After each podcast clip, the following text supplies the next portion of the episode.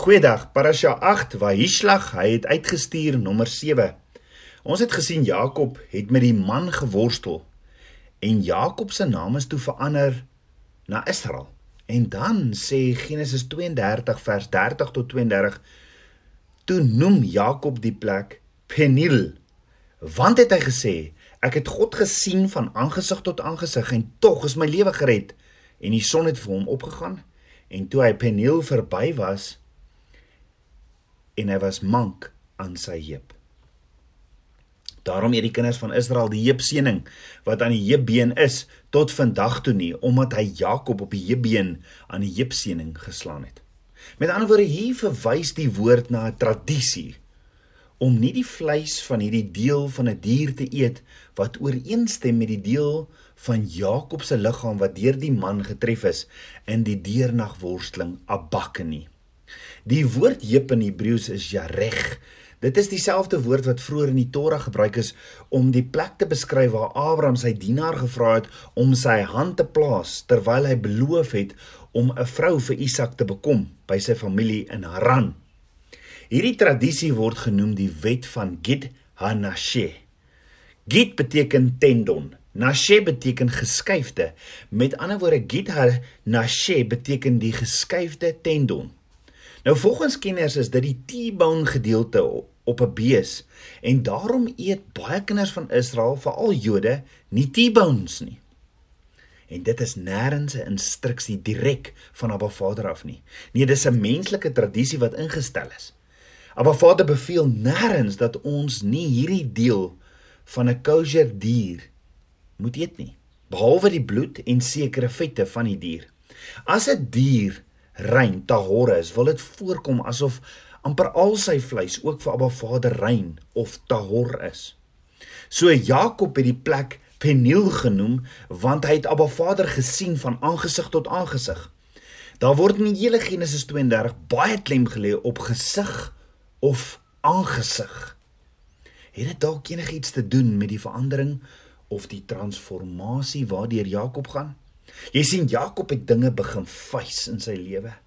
Hy nie meer weggehardloop nie en daarom loop hy ook toe sy broer Esau tegemoet wat hom 20 jaar terug wou doodmaak. Maar dit lyk asof Esau gereel gereed was om sy belofte om sy broer dood te maak, om dit na te kom. Ek meen hy kom Jakob immers tegemoet met 400 man. Maar iets iets anders het gebeur. Iets het verander want want dinge gaan nie soos wat die ou Jakob verwag het nie. Onthou Jakob het al hierdie klomp geskenke vooruitgestuur en toe Jakob by Esau kom staan daar in Genesis 33 vers 1 tot 4 en Jakob het sy oë opgeslaan en toe hy met eens Esau sien aankom en 400 man saam met hom het hy die kinders onder Lea en Rachel en onder die twee slavinne verdeel en hy die slavinne met hulle kinders eerste en die, en Lia met haar kinders daar agter en Rachel en Josef laaste opgestel. Maar hy self het voor hulle uitgegaan om hom 7 maal na die aarde gebuig totdat hy sy broer totdat hy by sy broer gekom het. Toe loop Esau hom tegemoet en omhels hom en val hom om die hals en soen hom en hulle het geween. So wat het hier gebeur Ek meen Esau het gesê hy gaan Jakob doodmaak.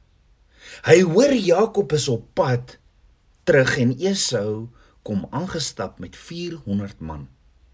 As Esau regtig gekom het om Jakob te ontmoet met 'n soengroet, hoekom het hy 400 man saamgebring? Dink gou daaroor. Het Jakob weer vir Esau probeer mislei soos met die met die rooi goed? Met materialistiese dinge of kortstondige plesiertjies, het Jakob vir Esau gebraai met al hierdie baie geskenke wat Jakob vir Esau gegee het. Wel dit lyk asof dit gewerk het want in plaas van dat Esau met sy 400 man Jakob en sy familie doodmaak, soen groet hy vir Jakob. Of is is dit moontlik dat daar iets baie dieper hier plaasvind? Want waarom het Esau met Jakob versoen?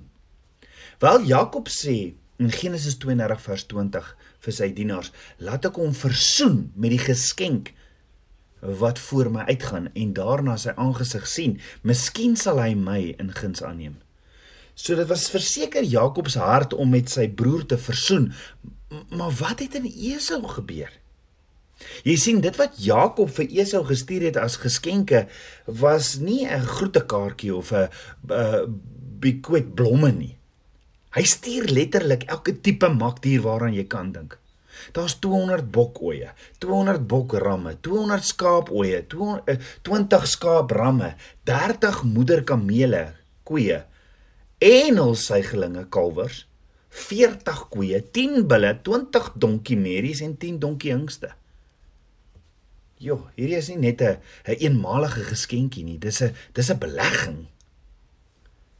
Jakob stuur mannetjies en wyfies van elke spesies genoeg vir Esau om kuddes en troppe te teel. Dis 'n geskenk wat aanhoudend vermeerder. Om dit omkoopgeld as dit om omkoopgeld is, is dit ook vergesel met met 'n vleiery want Jakob sê vir sy dienaars om die diere na Esau te neem en te sê hierdie behoort aan my dienaar Jakob en dit is 'n geskenk of 'n huldeblyk vir u Esau. Nou ons het vroeër in die week gesê gesê was Jakob nie dalk besig om terug te betaal of om 'n restituisie te doen van die verkeerd wat hy aan Esau gedoen het met die neem van sy pa se seun deur misleiding nie.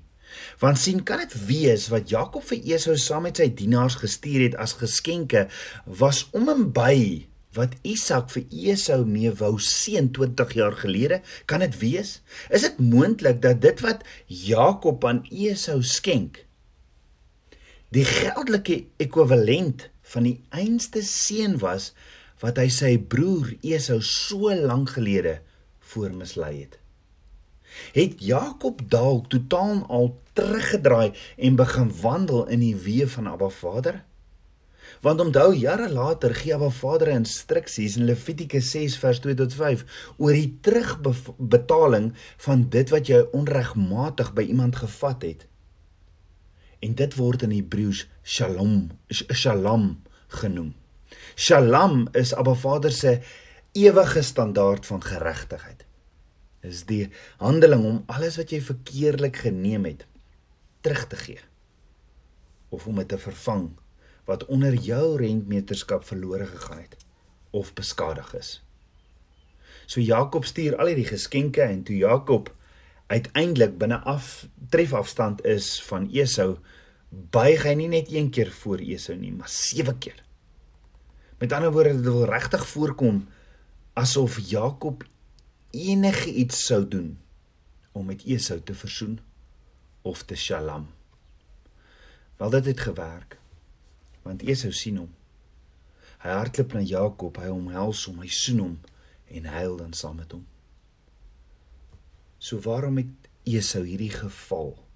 Hoe waarom waar, waarom het Esau vir hierdie geval? is hy weer mislei is hy is hy het hy het hy weer geval vir kortstondige plesiertjie soos die rooi goed of het Esau ook in versoening gekom met Jakob onthou dis die man wat sit met 'n wrok en met bitterheid in hom al vir 20 jaar nou gee Jakob Jakob hom 'n hele boerdery en vlei hom met 'n paar gevleide woorde en Esau skud ewe skielik alles van die verlede af en omhels sy broer wat hy wou doodmaak. Is Esau net 'n gulsige buffel wat een oomblik gevul is met woede, maar as jy as jy hom met met mooi praatjies of geskenke omkoop, is hy jou beste vriend? Dit mag so voorkom, maar ek dink daar is bewyse dat iets anders aan die broei was. Om tot die kern te kom van wat hier tussen Jakob en Esau gebeur het, dink daaroor het soortgelyke nie ook vroeër met hulle gebeur nie? Wel al hierdie elemente het 20 jaar gelede voorgekom of verskyn in die seën wat Isak aan Jakob gegee het wat eintlik vir Esau bedoel was. Onthou Isak, hulle pa se seën het begin met waar hy sê: "Aba Vader sal vir jou gee van die dou van die hemel en van die vet van die land met 'n oorvloed graan en wingerd." Met ander woorde, die seën wat Abba Vader aan jou regtig uh, met ander woorde, hierdie seën was Abba Vader gaan jou regtig ryk maak. Jy sal die goddelike geskenke van reën en gewasse ontvang. Nou hierdie geskenke of seën is wat net Abba Vader kan voorsien want alles behoort aan hom Psalm 24 vers 1. Maar nou 20 jaar later gee Jakob vir Esau genoeg vee wat Esau in staat sal stel om sy eie kommersiële ryk op te bou. Dan in die finale element in Isak se seën sê hy die kinders van jou ma sal voor jou buig. En toe Jakob en Esau weer ontmoet 20 jaar later, toe buig een van sy ma Rebekka se kinders Jakob inderdaad voor Esau. Jakob buig 7 keer voor Esau. Dan die seun van Isak het ook gegaan oor die verkryging van mag en status. Hy het gesê: "Nasie sal jou dien en jy sal 'n meester oor jou broer wees." Daarom is dit ook geen toeval dat Jakob homself die dienaar van Esau noem en noem Esau sy heer of meester nie. Dit gaan nog verder. Isak het in sy seun gesê: "Nasie sal voor jou buig." Buig wel, nadat Jakob voor Esau gebuig het, buig al 12 seuns van Jakob. Ekskuus, al 11 seuns van Jakob, die 11 stamme. Wel, Benjamin was nog nie gebore nie. Die op daardie stadium die 11 stamme van Israel, almal een vir een voor Esau. So dit is asof die woord woorde van Isak se seun nou voor Esau se oë lewendig word. Dit lyk amper asof Jakob die seun van sy pa Isak vir Esau teruggee en den, dan sê Jakob Jak, Jakob ook vir Esau aanvaar asseblief my seun neem wat aan jou gegee is. Met ander woorde Jakob sê neem die seun wat eintlik bedoel was om jou net te wees. So miskien was Jakob se aksie en intensies nie 'n omkopery of 'n vleiery nie, want hierdie hele konflik hierdie twee spalt of twis tussen die broers was as gevolg van die seën wat Jakob 20 jaar gelede geneem het wat aan Esau behoort het. Maar wat as Jakob behalwe vir die rykdom en die mag ook probeer het om dinge op 'n heel ander vlak reg te stel? Want as ons dieper kyk na die versoening tussen Jakob en Esau, dan sien ons 20 jaar gelede het Jakob na Isak se kamer toe geloop en voorgegee dat hy Esau was. Onthou Isak was onmiddellik agterdogtig, daarom het hy hom ons gesê: "Asseblief kom nader en laat ek aan jou voel of jy my seun Esau was." Hy wou aan Jakob voel of vat om sodoende sy ware identiteit te bepaal. Nou 20 jaar later toe Jakob Esau nader, kom buig hy 7 keer totdat hy by sy broer kom en net soos Jakob naby sy naby Isak, sy pa gekom het en sy vader Isak hom die hande opgelê het, kom Esau ook en lê ook hande op Jakob in 'n omhelsing. Maar wag, daar's meer. Die volgende ding wat Isak vir Jakob gesê het was asseblief asseblief my seun, kom nader en soen my. 20 jaar later doen Esau dieselfde. Hy omhels Jakob en soen hom. Let wel, Esau soen hom nie net sommer net op op die voorkop nie. Nee, hy soen hom ook in sy nek presies waar Isak Jakob gesoen het. Omdat Jakob was bang dat sy gladde vel hom sou weggegee het dat sy pa sou agterkom dat hy nie Esau was nie. En daarom het sy ma Rebekka harige bokvelle op sy hande en sy gladde nek gesit, want dis waar Isak vir Jakob gesoen het. En nou kom soen Esau vir Jakob op hierdie selfde plek in die nek. Dan albei gebeurtenisse eindig in trane. Toe Esau besef dat Jakob die seëninge geneem het, staan daar, hy het sy stem verhef en gehuil. 20 jaar later nadat die broers mekaar omhels en gesoen het, staan daar, hulle het saam gehuil. So eintlik wat hierdie twee gebeurtenisse skei is 20 jaar. Want byna dieselfde dinge gebeur in die twee gebeurtenisse oor en oor. Maar let wel, daar is 'n groot kontras tussen hierdie twee gebeurtenisse en dit het te doen met die trane. Alhoewel albei verhale in trane eindig, verskil die trane baie van mekaar. 20 jaar gelede het Esau trane van angs en woede gehuil, trane wat verander het in wraaksugtige belofte om sy broer dood te maak. Nou 20 jaar later huil Jakob en Esau albei saam en nou was dit trane van genesing en verzoening wat ontvang is. Die trane is as gevolg van Jakob wat verander het of getransformeer het want sien daar was net een ding wat die verhouding met sy broer Esau kon herstel en dit was om terug te gaan na die wortel of die root van die probleem tussen hulle. En dit was dat Jakob Esau se seëninge gevat het wat aan Esau behoort het. Toe Jakob die presiese seëninge wat hy van sy pa ontvang het vir Esau gee, toe verander alles. So dit was nie 'n vertoning of 'n omkoop geld nie. Nee, Jakob was besig om skuld te erken en om verantwoordelikheid te aanvaar vir dit wat hy verkeerd gedoen het. Jakob was bereid om alles in sy vermoë te doen om hulle verbrokkelde verhouding te herstel. En toe Esau dit sien, kon hy nie die trane stop nie. Toe Esau sien, maar sy broer Jakob besef wat hy aan hom gedoen het, en dat hy ware berou het. Toe kom hy hom te omhels. Jy sien tabernakels kind van Abba om goed onder die mat in te vee gaan nooit ooit verzoening bring nie. Jy het nodig om dood te gaan in jouself om terug te gaan na die wortel van die probleem wat ontstaan het en berou en vergifnis gaan vertoon. In vandag se wêreld in die Jakob wêreld doen ons alles vir me myself and I Ons doen alles wat nodig is om bo op die leer uit te kom in die wêreld en gee nie hel om op wie ons trap nie. Tabernakelskind van Abba, sal jy Ruach vandag vra om vir jou uit te wys wat is daar in jou lewe soos in Jakob se lewe waar jy op iemand getrap het vir jou voordele, vir jou benefits. En sal jy dan alles in jou vermoë doen en wat nodig is om verzoening te gaan doen aan daardie pynlike verlede. Jy sien eendag lank gelede het Jakob sy nek bedek om Isak sy pa en Esau te mislei en om te neem wat vir Esau bedoel was.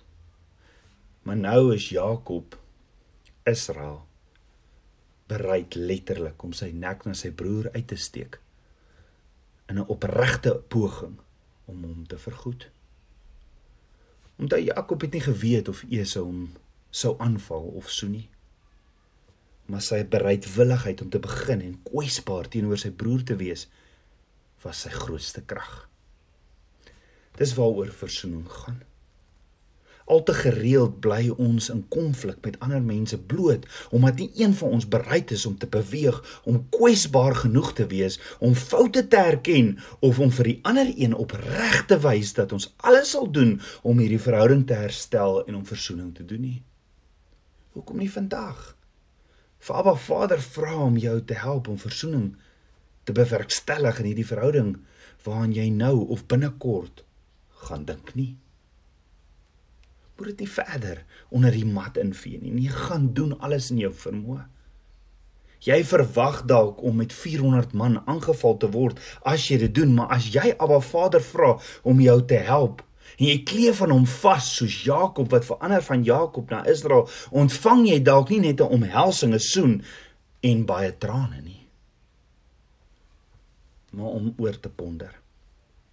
Dalk is dit net dit wat jou blok of jou keer om die volle droom te leef wat Abba Vader vir jou het. Kom ons bid saam. Abba Vader, skieper van my hart, ek loof en ek prys U. Vader, hier is my hart, hier is hier is my alles. Kom Ruach HaKodes, Heilige Gees, kom wys my en gee my die krag in Yeshua se naam om vergifnis en verzoening te gaan doen. Vergewe my my skade wat ek enige een aangedoen het en kom was my met die waterbad van u woord en kom leef in my meer en meer van u. Ek bid dit alles in Yeshua Messie se naam, die seun van Jahweh. Shalom.